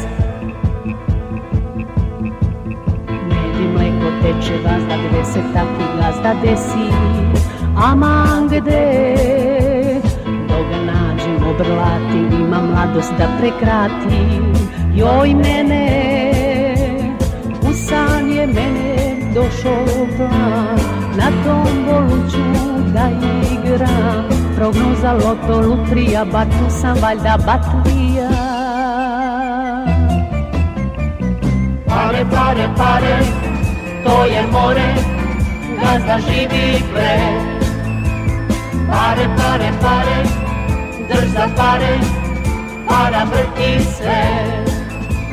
A, kad se ja oparim, Bre, bre, pašćeš u nesvest, kad udarim bes. Pare, pare, pare, to je more, gazda živi bre. Pare, pare, pare, drž za pare, para vrti se. a, kad se ja oparim, Bre, bre, pašćeš u nesvest, kad udarim bes. Pare, pare, pare. Jao, naš stand-up komičar Srđane Sljepčeviću, kaži koje su se prve asocijacije javile za pare i šta se vi šalite kad su pare u pitanju? A pare, prve asocijacije, meni prva asocijacija bila da je neko od njih mora da nauči engleski da bi preveo ovu pesmu. To mi je prva asocijacija. Druga asocijacija mi je drago što ovi iz Abe nikad nisu morali da čuju ovu pesmu. Vjerojatno bi se raspali ranije. ovaj, a treće, e, pare, pare, pa da, to je to. Oni su vjerojatno pevali o, o parama, a sljedeće godine je bilo da, da vam je zdravlja. Jeste, I jeste. na tome se zadržalo. To je kao i Dobro. naši svi uvek kao ono da kažu da je zdravlje, da je zdravlje, a svi potpuno se nadiru da bude i para. Da znaš, bude i para. Da, da, da. li bilo nekada s- u stand-up, uh, kod stand-up komičara da ste odradili posao, a nije bilo para, pa ste morali da jurite motkom vlasnika kluba da da pare? Nije baš bilo tako, ali, ali... Ali- imam jednu baš kratku, kratku, kratku priču o tome. A, može, ajde. Zove me lik, zove me lik, ne znam, Vrba Svršac, na. V neki grad. Dobro, na Bilo je davno. Da. I on meni kaže, ovaj, kao, sve dogovarimo, da li možeš tad, je odličan klub, 120 ljudi uvek je unutra, to je stvarno ludilo. Sve. Tako je, šta god da je svirka, dođe mi kaže, oni dečko samo s učnom gitarom, oni, to je puno uvek, šta god da napravim, puno. Ja rekao, pa može. Kaže on, ovaj, lupam taj taj datum, rekao, može i to, u toliko sati, može sve. I kaže on, važi, vidimo se. Rekao, ček, ček, ček, ček, ček, ček, ček. Kaže on, kaže, rekao, pa nismo rekao samo onaj deo, rekao, oko, oko honorara, znaš, kaže on, kako?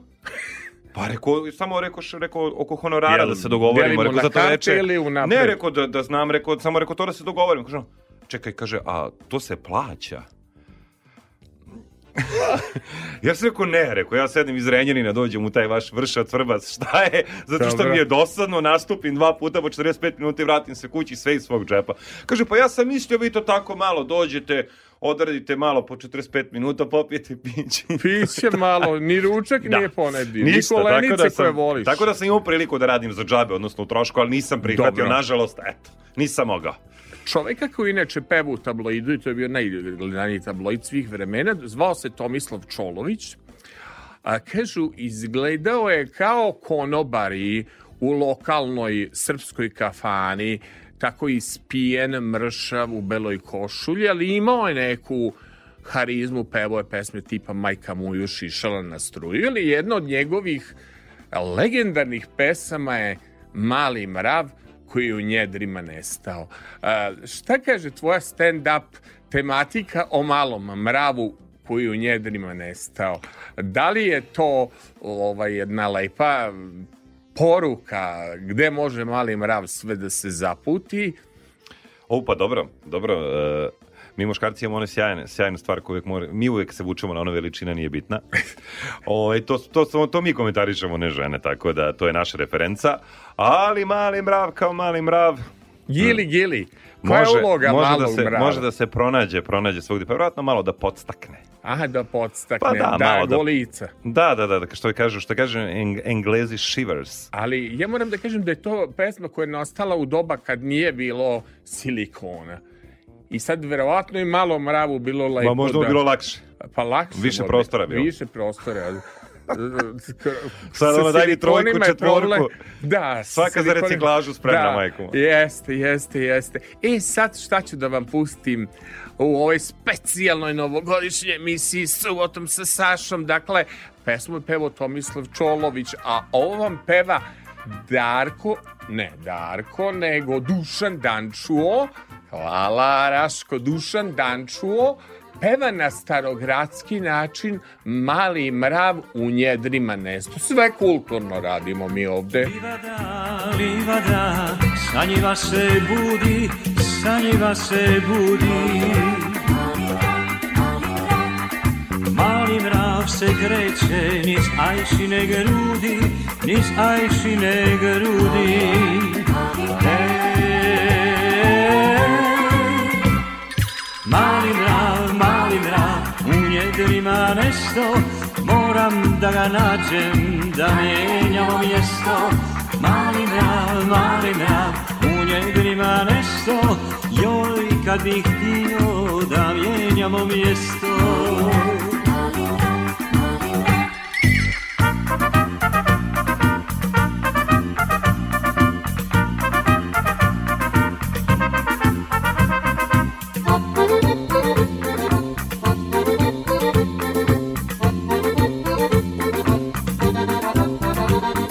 Vrisnula, vrisnula, Ajša više puta, Ajša više puta. Opio se mali mrav, pa sve dublje luta, pa sve dublje luta.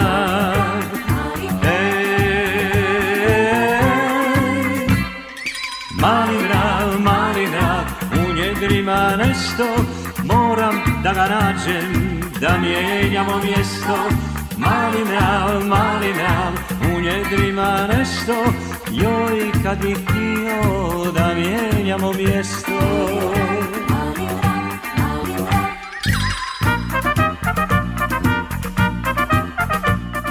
Mali mrav, mali mrav. Jel ti sad ostala jasnija problematika malog mrava i u koju njedrima nesto? Sve je meni ekologija. I grudi su prirodne i mrav je prirodan i on nema I u njivi su i- i u njivi su i u Priroda i društvo se to Priroda zove. je društvo. Priroda pa je da, društvo, da, da, dobro. da, da. Kad bi ja sad tebi rekao ide cura preko sela 16% nevesela, šta bi ti rekao? Ti, ti, ti me gledaš, valjda je to pogled omladinca s kraja 80. godina, dakle, gledaš me belo. Da, Kako? definitivno, definitivno. Kako vidi, sve je danas u postocima i šta se diže i, š- i koliko Mhm. dobijamo prihoda i šta se deša, sve tu oko 17-16% i tako dalje, ali ona pošto ti imaš različite faze u raspoloženju, zamisli sebe, znači e, da si samo 16% neveseo. Pa dobro, mislim da Zna- više, više priliči njoj I njoj da bude ide preko sela. da bude nevesela 16%. Nevesela, dobro. Grupa Iver se zove i dakle e, iz našeg foldera sad ste čuli i nikada više. Jedna prava novogodišnja pesma, kaže Iver ide cura preko sela 16% nevesela. Ti pokušaj da budeš komentatorom. Šumar psa i pušku ima Novu kuću usred šume. Okani se svih momaka Pođi kćeri za šumara To je želja oca tvog Okani se svih momaka Pođi kćeri za šumara To je želja oca tvog A kako ću, dragi oče, kad se šume plašim ja? Šumar mrke brke ima, znam šta ću s njima, možda drugu mladu tražio. Šumar mrke brke ima, a ja ne znam šta ću s njima, možda drugu mladu tražio.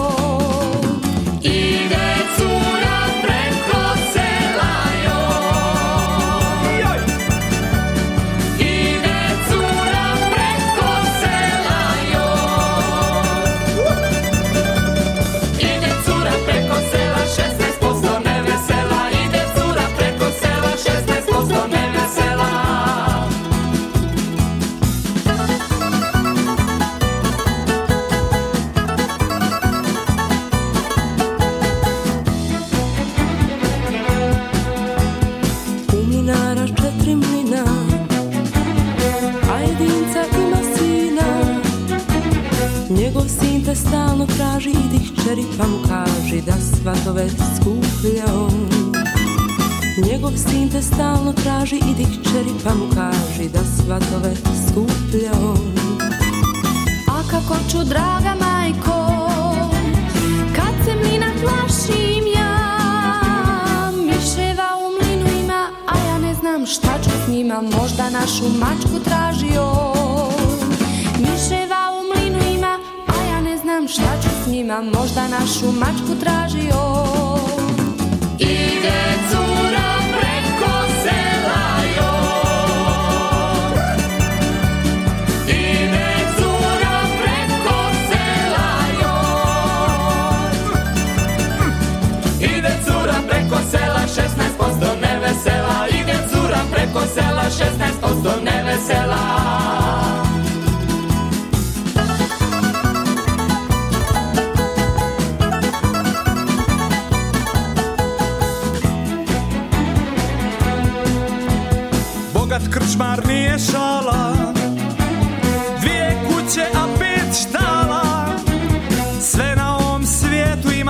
se opriča svima da bi rado bio tvoj Sve na ovom svijetu ima, ali se opriča svima da bi rado bio tvoj Zar bih htio, dragi brate, da ti se ju svati vrate? Mnoge goste krčma ima, na kraj treba izać s njima četiri žene, krčmar treba znaj. Mnoge goste krčma ima, na kraj treba izać s njima četiri žene, krčmar treba znaj.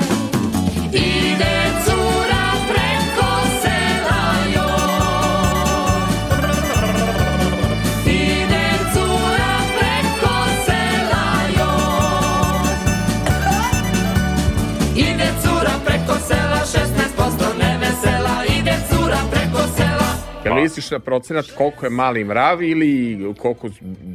Na Pa koje ne, ne, ja, ja mislim da ona misli. Ona misli? Da, da, ja, ja i ne toliko baš. Ne. Ne, Sa ne. šumarom misli o Da, procentima. kaže, šumar, duge noge, ne zna šta će s Je. njima. Sve sam ja to slušao pomno. Vidi, i na sledećem nastupu samo nemoj napolje da me na izvodiš sledećem nastupu stidu. izlaziš 100%, to ti je Nemoj da me rešeno. molim te da izlazim sramota me. 16% da nećeš izaći. Vidi.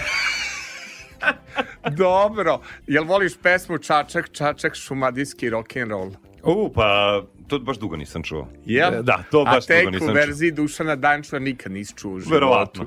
Ovo sam ti ja malo purgersko, šlagersko, e, srpski šlagerski dao, zato što je Dušan Dančuo početkom 80. godina u novogodišnjem na maratonu sam ja čuo e, radio Novog Sada upravo ovu e, starogradsku po- pop rock verziju Čačak, Čačak, šumadijski rock'n'roll Čačak, čačak, šumarijski rock'n'roll, to je život moj i tvoj, oj mora oj. Čačak, čačak, šumarijski rock'n'roll, to je život moj i tvoj, oj mora oj.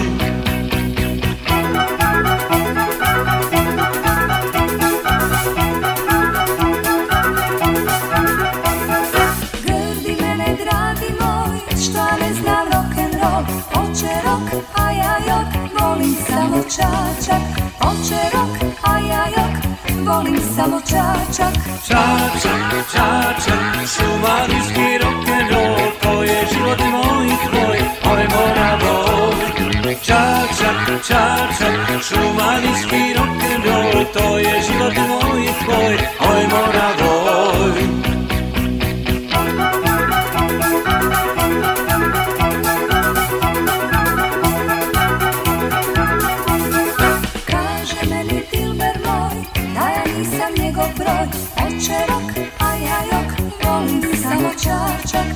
Oče rock, a ja jok, volim samo čačak Čačak, čačak, šumarijski rock'n'roll, to je život moj i tvoj, oj mora oj. Čačak, čačak, šumarijski rock'n'roll, to je život moj i tvoj, oj mora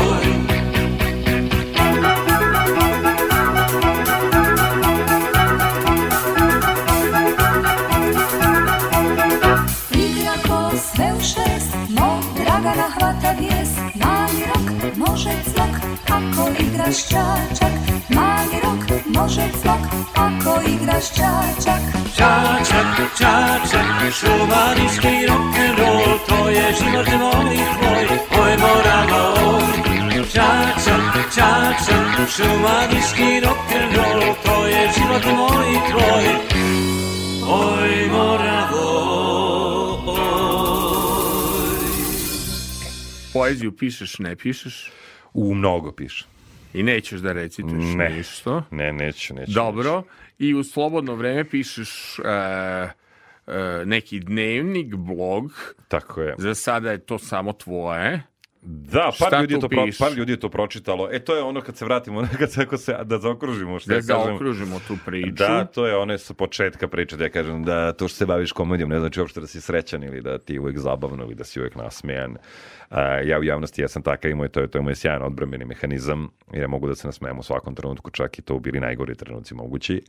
A, ali unutra je mnogo, mnogo drugačija situacija unutar mene i moj, moj, moj relaks mehanizam kad pustim tu neku muziku koja me ovaj, spusti još niže, koju smo pominjali na početku priče, onda ta tastatura i ta slova istrpe najviše i tu zapišem to nešto šta je, koja mi je muka, koja mi je problem, izjadam se samome sebi i onda to posle, ne znam, jedno, dve, tri nedelje pročitam i onda vidim da li to ima smisla. Da pitam ja našeg Draška Aljića da slučajno nema na playlisti Riblja čorba, ostalo je samo čutanje. Nekad ni ja ovaj e, ne znam šta pošaljem na playlistu jer sam se sa tobom baš dogovarao nego, nego sam se baš s tobom dogovarao šta ćemo za muziku, pa kaže Sale uzmi ti, nešto sam ja u nekoj setnoj fazi, tako da ovaj e, bio bi dobar voditelj, samo da ti kažem, leba bi bilo za tebe i u ovom poslu.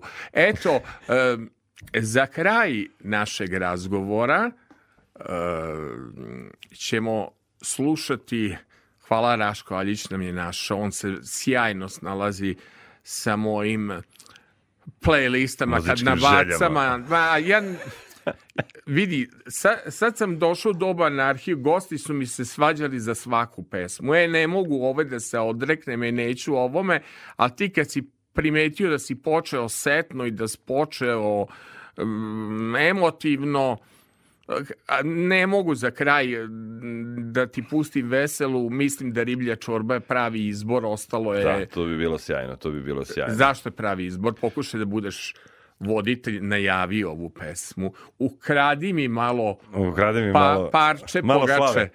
Da, ukradi mi malo, molim te. Ovaj, pa ja lično obožavam tu pesmu Riblje čorbe, ostalo, ostalo je ćutanje, a, jer jednostavno do, dolazimo do tog nekog, do nekog kraja, do početka kraja a, neke priče, nekog dešavanja e, i generalno nosi jako dobru poru- poruku pesma da, da nekad i to ćutanje a, može doneti neke dobre stvari i jednostavno sama tišina u kojoj, u kojoj možda se nađemo može nam doprineti neke mnogo bolje misli i neke mnogo bolje puteve i neke mnogo bo, neka mnogo bolje rešenja i cela poenta je što bi ja sad tu iskoristio ovih po, pola minuta ili koliko Iskoristi god. minute, evo, ovo ti je prilika i da, dva, da, i ne, tri, želeo evo bih da- samo da, a, da kažem da, da eto, slušalcima koji slušaju da ako imate bilo kakav problem ili a, ako vas bilo šta tišti, muči, a ne umete to da, da čuvate u sebi, ne umete da, da, da, da, da to sakrijete, pričajte sa nekim obavezno,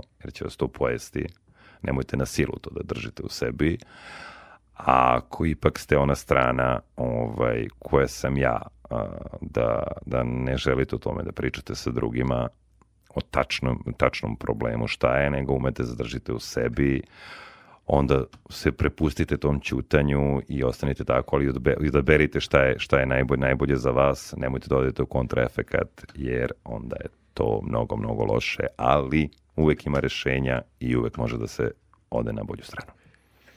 Znači, ostalo je samo ćutanje. Postoji jedna velika razlika između nas dvojice. Ja bih progovorio, da ne kažem sad na koji deo od tela. Ovaj, ja bih samo pričao mlao, mlao, mlao, mlao, a ti umeš da svedeš reči i nisam znao za stand-up komičare, mislio sam blago o njima, koliko im pišu Messenger, ala gore mreže, ala, ala je ta popularnost takva, a na kraju se shvati da i komičar ima neke svoje tuge. Pa, Tanja Peternek me baš reče da je, da, da je komičara uvek nerviralo kada ga sretnu na ulici Čkalju ili bilo kog, Milana Gutovića, ajde reci nešto smešno. Nema gore od toga. Jel nema gore? Nema gore od toga ili kad kažu evo i za kraj emisije, ti si gostuješ na televiziji, kad kaže evo za kraj emisije, reci nam neku foru. Da. A, ti- to nema gore od toga. A I ti onda, ako emisija nije uživo, to je onda lagano, lagano se reši, ne hvala. Dobro.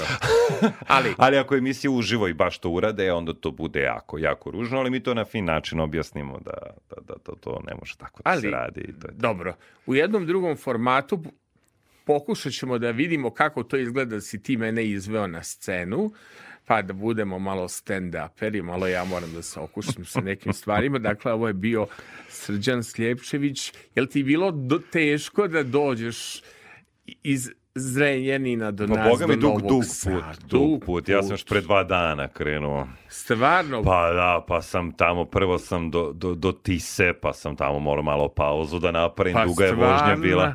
Tih 15 Stvarno? minuta me onako baš, baš, baš uništilo. Pa sam onda druga, druga pauza kod žablja sam, pa Jes. kolenice u žablju, aj, jao, pa, pa to je pa to je trajalo malo, kafana Vojvodina. A, Da, najbolje pa- kolenice ikada. A, u, a se to putuje. Pa nego Imaš kak- jako dobru liniju na toliki hedonizam. Boga mi, nije ni toliko dobro koliko treba da bude, ali bit će i onda lepo put Novoga Sada, tako da to je to. Srđan Sljepčević, stand-up komičar. Završimo sa njegovom omiljenom pesmom Ostalo je samo čutanjem. Kad jednom sve prođe i kad se završi lutanje i kada smrt konačno dođe ostaje čutanje ostaje čutanje i nemoj sebe varati Završena su skitanja ne treba odgovarati jer ne postoje pitanja. Jer ne postoje pitanja. Došlo je krajnje vreme ovako malo se odmori. Ovoga puta ne postoje Nikakvi odgovori Nikakvi odgovori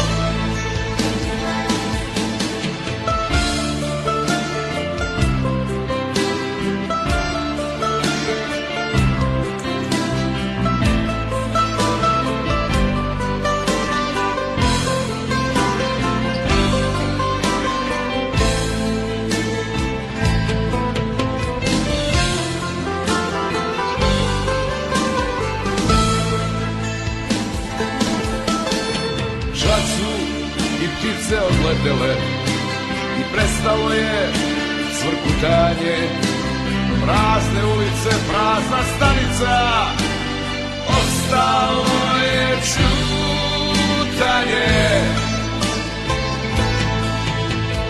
Ostalo je čutanje. Više se ništa ne čuje pa čak ni šaputanje Posle kiše i posle oluje Ostaje čutanje Ostaje čutanje Došlo je krajnje vreme. Polako malo se odmori ovoga puta ne postoje nikakvi odgovori. Nikakvi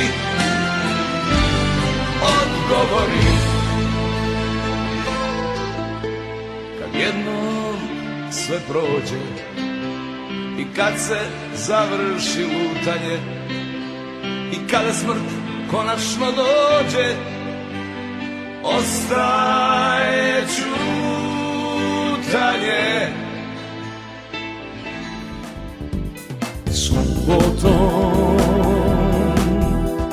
subotą.